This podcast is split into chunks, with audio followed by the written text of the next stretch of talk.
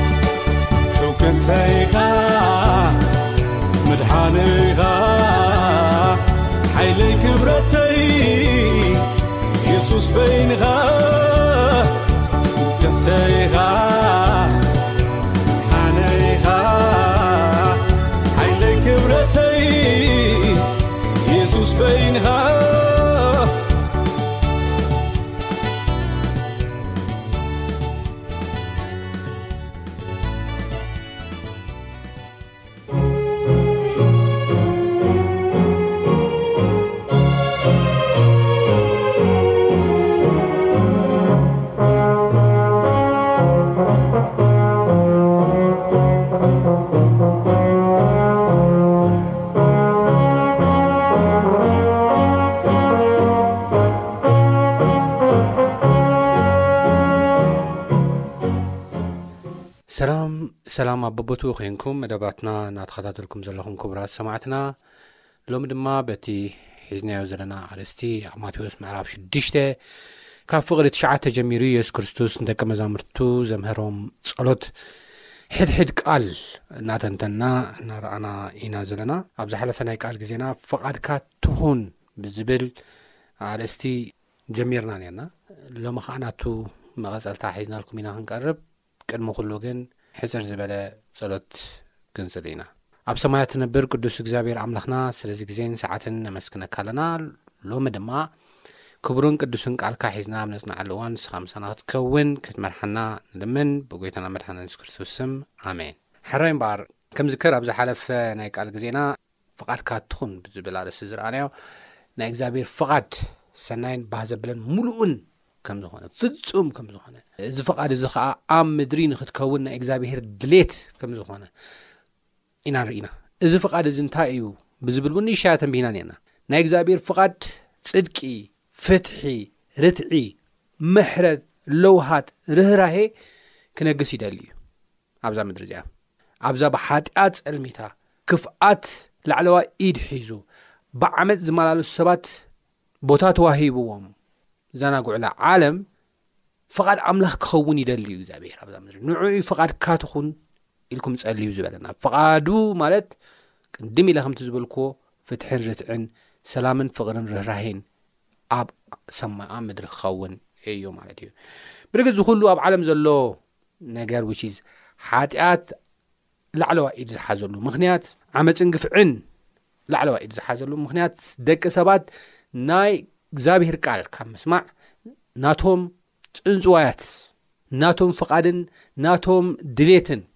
ካብ ናይ እግዚኣብሄር ድሌት ስለ ዘቐደሙ እዩ ነገር ግን ናይ ሰብ ድሌት ካብ ናይ እግዚኣብሄር ድሌት ምቕዳሙ ዘምፅኦ ፍታሕ ጥፍኣት እዩ ዕንወት እዩ ነዚ እዩ ካብዚ ዕንወት እዚ ምእንቲ ክንድሕን፣ እቲ ስሌና ሓደ ወዱ ዝሃበ እግዚኣብሄር ኣምላኽ፣ ፍቓድካ ኣብ ሰማይ ከም ዝኾነት ኣብ ምድሪ እውን ትኹን፣ እታ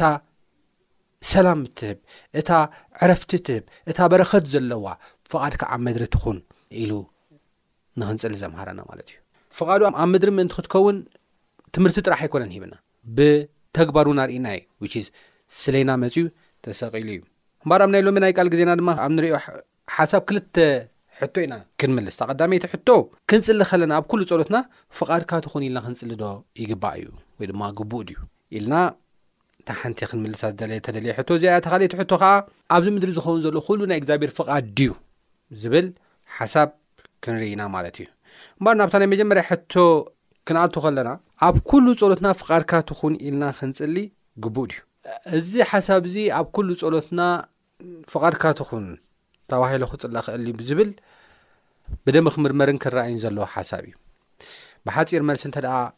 ኮይኑ ኣብ ኩሉ ፀሎትና ዝብል መጀመርያ ክትንተን ኣገዳሲ እዩ ዝኾን ንኣብነት እግዚኣብሄር ንዓና ሓጢኣትና የቕረ ክብለና ምሕረት ክበና ክንድሕን ናይ ዘላለም ህይወት ክንረክብ ኦሬዲ ፍቓዱ እዩ ፍቓዱ ስለ ዝኾኑ ድማ ኣብ ዮሃንስ ወንጌል ምዕራፍ ሰለስተ ፍቕዲ ዓሰርተ ሽዱሽተ ሓደ ወዱ ሂብና እዩ ስሌና ሞይቱ እዩ ኢየሱስ ክርስቶስ ኣብ ጌተ ሰማኒ ስለና ተሳቐዩ እዩ ኣብ ሳልሳይ መዓልቲ እውን ተንስኡ እዩ እግዚኣብሔር ይመስገን ስለዚ ኣብ ጸሎትና እግዚኣብሔር ኣምላኽ ፍቓድካ ተኾይኑስ ሓጢኣተይ ይቕረ በለለይ መባልሲ ትኽክል ኣይኮነን ኦረዲ ፍቓዱ እዩ ንሱ ድሌቱ እዩ ናይ እግዚኣብሔር ሓሳብ እዩ ንሕና የቕሬታን ምሕረትን ክንረክብ ንሕና ናብኡ ክንቀርብ ንሕና ናብኡ ክንመለስ ናይ እግዚኣብሔርን ፍቓድን ድሌትን እዩ እሞ በዚ መልክዕ እዚ ፍቓድካ ተደኣ ኮይኑስ ሓጢኣተይ የቕረ በለለይ ዝብላ ባህላ ትኽክል ኣይመስለንን። ካብዚ ብተወሳኺ ካብ ናይ እግዚኣብሔር ትእዛዝ ወጻኢ ዝኾነ፣ ንኣብነት መጽሓፍ ቅዱስ ኣይተመንዝር ወይ ድማ ኣይትዘሙ ዝብል ሓሳብ ኣሎ ኦሬዲ ፍቓዱ ኣቐሚጡ እዩ። ፍቓዱ ኣብ ሓዳር ሓንቲ ሰበይቲ ንሓደ ሰብኣይ በዚ መልክዕ ከዓ ተኸባቢሮም ናይ እግዚኣብሔር ክብርን ናይ እግዚኣብሔር ግርማን ሓይልን ንክገልጹ እቲ ናይ እግዚኣብሔር ንደቂ ሰባት ዘሎ ዓላማ ኣብ ህይወቶም ንኸርእዩ ናይ እግዚኣብሔር ፍቓድ እዩ ኦሬዲ ተሓትመ ናይ እግዚኣብሔር ፍቓድ እዩ ኣብዚ ተሓትመ ናይ እግዚኣብሔር ፍቓድ ግን ካብ ሓዳርና ወፂናስ ካልእ ሰበይቲ ምእንቲ ክንእቱ እግዚኣብሔር ኣምላኽ ፍቓድካ ተኮይኑስ ክልተ ንስቲ ክእቱ ዶ ኢልካ ምሕታት እዚ ኣግባብ ኣይኮነ ኦሬዲ እተመስረተ ፍቓድ ኣምላኽ ተፃሕፈ መስመር ኣቲኻ ጠብሎቕ ኢልካ ወይ ተፃራሪኡ ወይ ድማ ንዕኡ ዝድግፍ ምጽላይ ኦሬዲ ፍቓድካ ተኾይኑ ኢልና ምጽላይ ትኽክል ኣይኮነን ምክንያቱ ፍቓዱ ሓንቲ ሰበይትን ሓደ ሰብኣይ ብሓዳር ጸኒዖም ብምንባር ናይ እግዚኣብሔር ፍቕዱ ንኸንጸባርቑ እዩ ስለዚ ፍቓድካ ተኾይኑ ስቲኣ ክእትዋ ተኻልእቲ ፍቓድካ ተኾይኑ ሳልሰይቲ ክደግም ፍቓድካ ተኾይኑ ራብዒታ ሓምሸ ሸድሸይቲ ክእቱ ዝብል ኣባህላ እዚ ትኽክል ኣይኮነን ምናልባት ኣብ እግዚኣብሔር ሕጊ እዚ ኣልዒልና እምበር ኣብ እግዚኣብሔር ሕጊ ናይ እግዚኣብሔር ፍቓድ ተገሊጹ እዩ ናይ እግዚኣብሔር ሓሳብ ተገሊጹ እዩ ስለዚ ናይ እግዚኣብሔር ፍቓድ ተኮይኑስ ንዑዶ ክቐትሎ ንዑዶ ክኸጥፎ ናይ እግዚኣብሔር ፍቓድ ተኮይኑስ ንብረት ዝሰርቆ ናይ እግዚኣብሔር ፍቓድ ተኮይኑስ እዚ ዶ ክገብር ኣብቲ ተገለጸ ናይ እግዚኣብሔር ፍቓድ ተጻሪርካ ብምኻድሲ ፍቓድካ ተኮይኑ ኢልካ ምሕታት ንእግዚኣብሔር መፈተታን እዩ ዝኸውን ዘሎ መፅሓፍ ቅዱስ ከዓ ንእግዚኣብሔር ኣምላኽካ ኣይትፈታተን ኖ ተባሂሉ ተፃሒፉ እዩ ሰይጣንስ ዞዳ እንታይ ገይሩ እዩ ሰይጣን እኮ ኣብ ማቴዎስ ምዕራፍ ኣርባዕተ ንሪኦ ፈተናታት ከቕርበሉ ከሎ ንየሱስ ክርስቶስ መላእኽቲ ስለኻ እግርኻ ከይትዕንቀፍ ይእዘልካ እዩሞ እስኪ መላእኽቲ እዚ ዘልካ ተኮይኑ ክንርኢ ርእስኻ ካብዚ ፎቕ ወርብር ኢልዎ ነገር ግን እንታይ ኢልዎ የሱስ ክርስቶስ ንእግዚኣብሔር ኣምላኽካ ኣይትፈታተን ተባሂሉ ተጻሒፉ እዩ ኢልዎ ስለዚ እዚ ንእግዚኣብሔር ምፍትታን እዩ ኣብቲ ጽሑፍ ዝኾነ መሰረት ዝኾነ ናይ እግዚኣብሔር ፍቓድ ዝተገልጸሉ ነገር ተጻሪርና ጎይታ ከምዚ ዶ ክንገብር ኢልካ ምሕታት ንእግዚኣብሔር ምፍትታን እዩ ዝኾኑ ዘሎ ስለዚ ከምኡ ክኸውን የብሉን ማለት እዩ ስለዚ ክልተ ነጥብታት ርኢና ኣለና ንምዘኻኻር ተኣት ተቐዳመይቲ ሓጢኣት ይቕሬታ ንምርካብ ፍቓድካ ተኮይኑስ ሓጢኣት ይቕረ መለለይልካ ምፅላይ ትኽክል ኣይኮነን ምክንያቱ ናይ እግዚኣብሔር ፍቓድ ስለ ዝኾነ ሓጢኣትና ይቕረ ንምባል ንሕና ንምድሓን ናይ እግዚኣብሔር ፍቓድ ዝኾነ እንተ ካልእቲ ከዓ ኣብቲ ግሉፅ ዝኾነ ናይ እግዚኣብሔር ፍቓድ ተፃሪድካ ሕቶ ምቕራብ ፍቓድካ ተኮይኑስ ካብ ሓዳሪ ካልእ ሰበይቲ ክእቱስ እልምነካ ኣለኹም ኢልካ ምፅላይ ንባዕሉ ትኽክል ከም ዘይኮነ እዩ ዝዛረበና ማለት እዩ ምክንያቱ ኦሬዲ እቲ ናይ እግዚኣብሔር ፍቓድ ተገሊፁ እዩ እስኪ እዚ እንተደኣ ኢልና ፍቓዱ ዝኾነ ዳ ዓይና እዩ ኽንብል ከለና ምናልባት ሓደ ዝሓመመ ሰብ ሓደ ዝተሸገረ ሰብ ሓደ ዝተጎድአ ሰብ ክንጽልየሉ ከለና ጎይታ ፍቓድካ እቲ ኮይኑ እዚ ሰብ እዚ ክትሕውዮ ፍቓድካ እቲ ኮይኑ እዚ ሰብ እዚ ከተድሕኖ ክትጸልየሉ ንልምነካ ኣለና ኢልካ ምጽላይ እዚ ትኽክለኛ እዩ ምክንያቱ ናይ እግዚኣብሂር ፍቓድ ነዚ ሰብ እዚ ክድሕን እንተ ደኣ ኮይኑ ይድሕን ናይ እግዚኣብሔር ፍቓድ ተደይ ኮይኑ ግን ዊች እግዚኣብሔር ሓሳቡ ተደይ ኮይኑ ግን ንክዓርፍ ማለት እዩ ናይ እግዚኣብሔር ስለዚ እዚ ከምዚ ዓይነት ጸሎት ናይ እግዚኣብሔር ፍቓድ ምሕታት ፍቓድ ካይኹን ምባል ኣገዳሲ ምዃኑ እዩ ዝነገረና ማለት እዩ ስለዚ ናይ ፈውሲ እግዚኣብሔር ፍቓዱ ዝገልጸሉ መንገዲ ንኸውን ክንሓትት ከም ዘለና ምናልባት ኣብ ዝቕጽል ብዛዕባ ናይ ህዝቅያስ እውን ክንርኢና ህዝቅያስ እንታይ እዩ ገይሩ ብዝብል ክሊና ምስዚ ኣተሓሒዝና ማለት እዩ ቅድሚኡ ግን ኣብ ስራሕ ወይ ድማ ኣብ ጉዕዞና ወይ ድማ ኣብ ንገብሮ ተግባራት ኩሉ እግዚኣብሄር ፍቓድካ ተኾይኑስ ስራሕ እዚ ክኣቱ እግዚኣብሄር ፍቓድካ ተኾይኑስ ክጓዓዝ ኢልካ ምፅላይ እዚ ናይ እግዚኣብሄር ፍቓድ ምሕታት ናይ እግዚኣብሄር ድሌት ምሕታት ኣገዳሲ ምዃኑ እዩ ዝዛረበና ማለት እዩ። ብዙሕ ግዜ ግን ከምቲ ኣብ መጀመርያ ብዛዕባ ፍቓድካ ትኹን ዝብል ሓሳብ ኣብ ዝሓለፈ መደብና ከም ዝረኣናዮ ካብ ዘለና ሃንቀውታ ምናልባት እንፈትዎ ሰብ ተሓሚሙ ካብ ዘለና ሃንቀውታ ፍቓድካ ትኹን ኢልና ምጽላይ እቲ ሃንቀውታና እቲ ሰብ ክድሕነልና ካብ ዘለዎ ሃንቀውታ ኢልና ኣይንጽለዩና ንፈርሕ ኢና ናይ እግዚኣብሔር ፍቓድ ንዓና ነገራት ንክንስእን ዝገብረና እዩ ዝመስለና ነገር ግን ናይ እግዚኣብሔር ፍቓድ ንዓና ኣዝዩ ዝሕጉስን ኣዝዩ ባህ ዘብልን ሙሉእን ከም ዝኾነ ክንርዳእ ከም ዘለና ኣብ ዝሓለፈ ዝረኣናዮ ማለት እዩ ኢብን ኣብ ስራሕ ሕጂ እታ ስራሕ ንደልያ ንኸውን ንሳ ክትከውነልና ናብኣ ክንኣቱ ንሳ ክትካናወነልና ንፅሊ ንኸውን ነገር ግን ናይ እግዚኣብሔር ፍቓድን ሓሳብን ምሕታት ኣገዳሲ እዩ ምክንያቱ እግዚኣብሄር ንሕና ደይንሪኦ ዝርኢ ኣምላኽ ኩሉ ዝፈልጥ ኩሉ ድማ ዝኽእል ኣምላኽ እዩ ንዓና ከዓ ሰናይ ዝሓስብ ካብ ምዃኑ ዝተላዕለ ምስ ፍቓዱ ክንሰማማዕ ከም ዘለና ፍቓድካ ትኹን ኢልና ክንፅሊ ከም ዘለና ብ ከምዝታት ነገራት ዘርኢ ሓሳብ እዩ ማለት እዩ እምበር ናብ ካልኣይ ሕቶ ክኣቱ ናብቲ ካልኣይ ሕቶ ክኣቱ ከለኹ ቅድም ኢለ ዝሓተትኳ መጀመርያ ዝሓተትኳ ሕቶ እሞ ኣብዚ ምድሪ ዝኸውን ዘሎ ነገር ዳኣ ናይ እግዚኣብሔር ፍቓድ ድዩ ዝብል ሕቶ ክንርኢ የድሊ። ኣብዚ ምድሪ ዝኸውን ዘሎ ነገር ናይ እግዚኣብሔር ፍቓድ ድዩ? መጀመርያ ፍቓድካ ትኹን ክብል ከሎ እንታይ ማለት እዩ ዝብል ትርጉም ምርኣይ ኣገዳሲ እዩ። ፍቓድካ ትኹን ክብል ከሎ እቲ ቀዳማይ ትርጉሙ እግዚኣብሔር ከይፈለጠ ዝኸውን ነገር ከምዘየለ ንምርኣይ እዩ። እግዚኣብሔር ከይፈለጠ ዝኸውን ነገር ምንም ነገር የለን። ንሱ እዩ ዝፈልጦ ንሱ እዩ ኩሉ ነገር ዝርድኦ ዝብል ሓሳብ እዩ ንኣብነት ናብ ናይ እዮብ መፅሓፍ ክንከይድ ከለና እዮብ ኣብ ሽግርን ኣብ መከራን እዩ ወዲቑ ደቁ ስኢኑ እዩ ሰበይቱ ክሒዳቶ እያ ዕረኽቲ እውን ጠሊሞሞ እዮም በዚ መልክዕ እዚ ኣብ ሕማም ኣብ ዝወድቀሉ እዋን ከሰስቱ እምበር ምስ ደው ዝበለ ሰብ ኣይነበረን ንኣምላኽ ተፃርፎ ዝብል ንስሓእቶ ዝብል እንደገና ኣብቲ ቁስሉ ድማ ጨው ዝውስኸሉ እምበር ዝርሕርሓሉ ሰብ ኣይነበረን ኣብ ዓቢ ፈተና እዩ ወዲቑ እዚ ዓቢ ፈተና ግን እግዚኣብሄር ከይፈለጦ እግዚኣብሄር ከይተረድኦ ካብ እግዚኣብሄር ተሓቢኡ ዝኾነ ነገር ኣይኮነን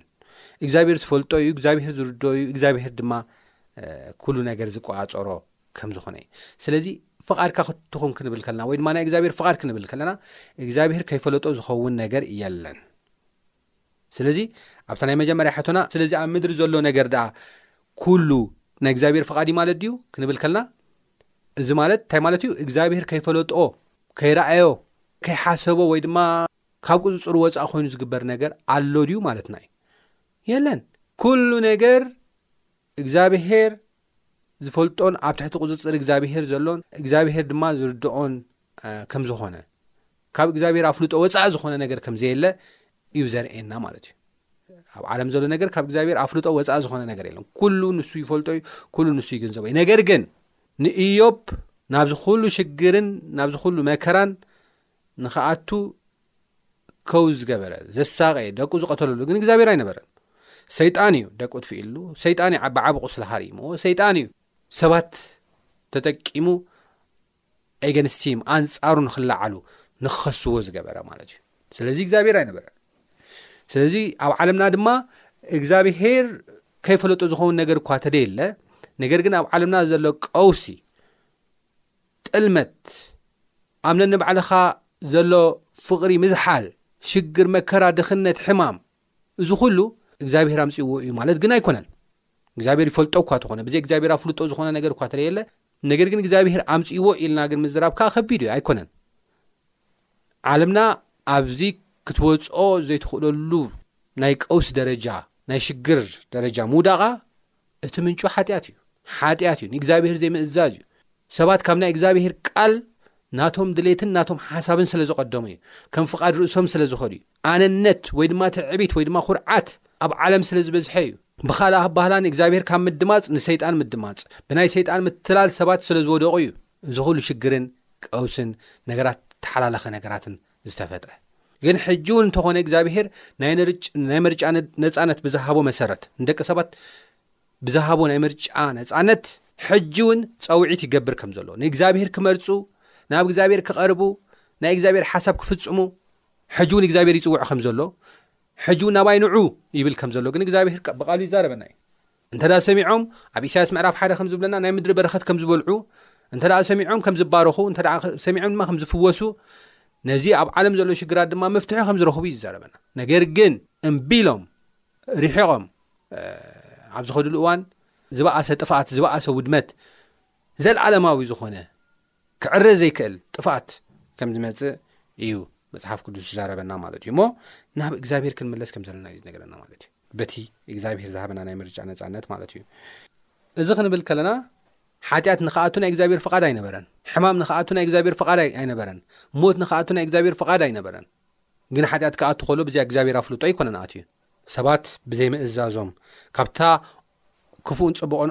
እተፍልጥ ኦም ካብ ምብልዖም እዩ እቲ መነሻ ናይዚ ኩሉ ሓጢኣት ሄዋን ከምዚ ኢላ ድኣ ትሰሓት ኣዳም ድማ ይብላዕ እምበር ንድሕሪኡ ዝመጽእ ትውልዲ እውን ካብ ኣዳም ዝበኣሰ ምርጫ እናመረጹ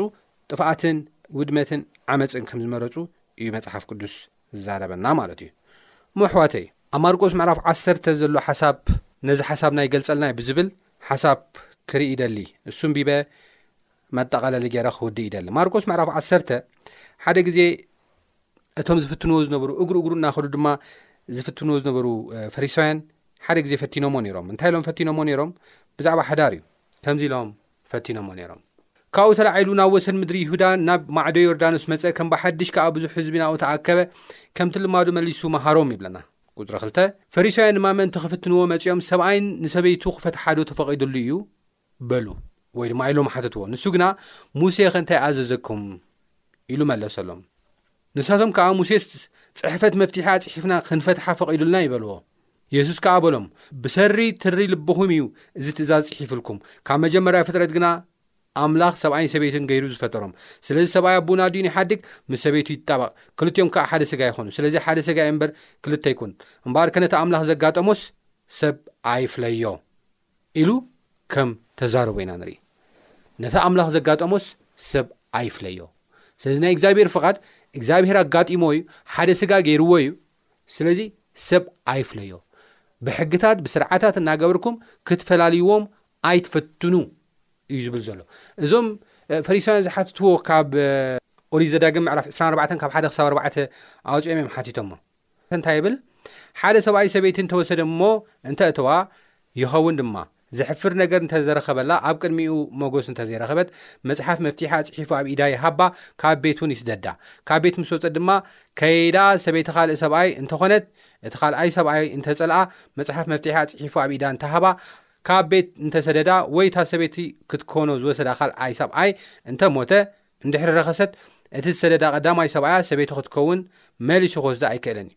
እዚ ድማ ቅድሚ እግዚኣብሄር ኣምላኽካ ፍንፉን እዩ እሞ፣ ንርስቲ ዝህበካ ምድሪ ሓጢኣት ኣይተምጽኣላ ኢሉ ዝጸሓፎ ጽሑፍ እዩ። ኣብዚ ሕጂ ጽሕፈት መፍትሒኣ ፈቲሐያ እየ ኢሉ ጽሑፈት መፍትሒኣ ይሃባ፣ ደሓር ይስደዳ። ናቱ ኣይትኹን። እዩ ዝብል ዘሎ ብዚ ነገር እዚ ካብዚ ጥቕሲ እዚ ወሲዶም እዮም ሙሴ ሲ ፅሒፍና ክንፈትሓ እንታይ ሽም ነገር ግን ሙሴ ይብሎም ኣሎ የሱስ ክርስቶስ ብሰንኪ ትሪ ልብኹም እምቢ ስለ ዝበልኩም ንእግዚኣብሔር ሕጊ ንእግዚኣብሔር ትእዛዝ ኣይንእዘዝን ኢልኩም ስለ ዝኣዘዝኩም እዩ ኢልኩም እምበር ናይ እግዚኣብሄር ፍቓድ ሲ እዚኣ እያ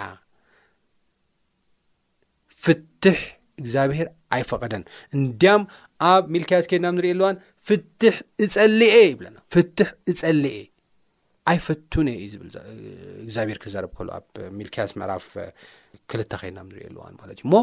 ፍትሕ ይፀሊ እዩ ኣምላኽ ፍትሕ ፍቓዱ ኣይኮነን ስለዚ እዚ ፍቓዱ ዘይኮነ ነገር ንሕና እውን ከነተግብሮ የብልናን ናይ እግዚኣብሔር ፍቓድ ኣይኮነን ስለዚ ኣብ ምድሪ ዝኸውን ዘሎ ኩሉ ከምቲ ሕጂ እውን ደጊመ ዝብለኩም ነገር ብዘይ እግዚኣብሔር ኣፍልጦን ብዘይ እግዚኣብሔር ቁፅርን ዝኸውን ነገር የለን ነገር ግን እቲ ኣብ ምድሪ ዝኸውን ዘሎ ሓጢኣት ኮነ ዓመፅ ግን ናይ እግዚኣብሔር ፍቓድ ኣይኮነን ናይ እግዚኣብሔር ድሌት ኣይኮነን ናይ እግዚኣብሔር ድልት ኣይኮነን ናይ እግዚኣብሔር ድሌት ካብቲ ሓጢኣትና ክንምለስ ሕጂ እውን ይፅዋዓና ከም ዘሎ እዩ ዝዛረበና ምናልባት ከምቲ ቅድም ኢለ ዝበልኩኹም ኣብ ሚልክያስ ምዕራፍ ክልተ ፍቕዲ ዓሰርተ ሽዱሽተ ሲ ቅድም ኢለ ዝበልኩኹም እግዚኣብሄር ፍትሕ ጸሊ እዩ ዝብል ዝበልኩም ነገር ንሳ ከንብበልኩም እሞ ድሓር መጠቓለለ ክብ ምፍታሕ ንክዳኑ ብዓመት ዝኽደኖ ንጸልእ ኣለኹ ይብል እግዚኣብሄር ኣምላኽ እስራኤል ስለዚ ከይትጠልሙ መንፈስኩም ሓልው ይብል እግዚኣብሄር ምፍታሕን ንክዳኑ ብዓመፅ ዝኸኖን እጸልእ ኣለኹ ምፍታሕ እግዚኣብሄር ይጸሊ እዩ ስለዚ ኣሕዋተይ እግዚኣብሄር ኣብ ዝኸውን ዘሎ ነገር ኣብዚ ኣብ ዓለምና ዘሎ ነገራት ብምሉ ዓመጽን ግፍዕን ኩሉ ወጺና ናብቲ ፍቃዱ ናብ መንገዱ ክንምለስ ብገዛእ ልቦናና ካብ ምምራሕ ገዲፍና ናብ ናይ እግዚኣብሄር ሓሳብን ናብ ናይ እግዚኣብሄር ቃልን ክንመጽእ ይጽዋዓና ኣሎ እሞ ዝጻውዒት እዚ ተቐቢልና ከም ፍቃዱ ከብቲ ናቱ ድሌት ከምቲ ኣብ ቃሉ ተገልጸ ፍቃዱ ከምኡ ክንነብር እግዚኣብሄር ጸጉ የብዝሓልና ኣብ ዝቕጽል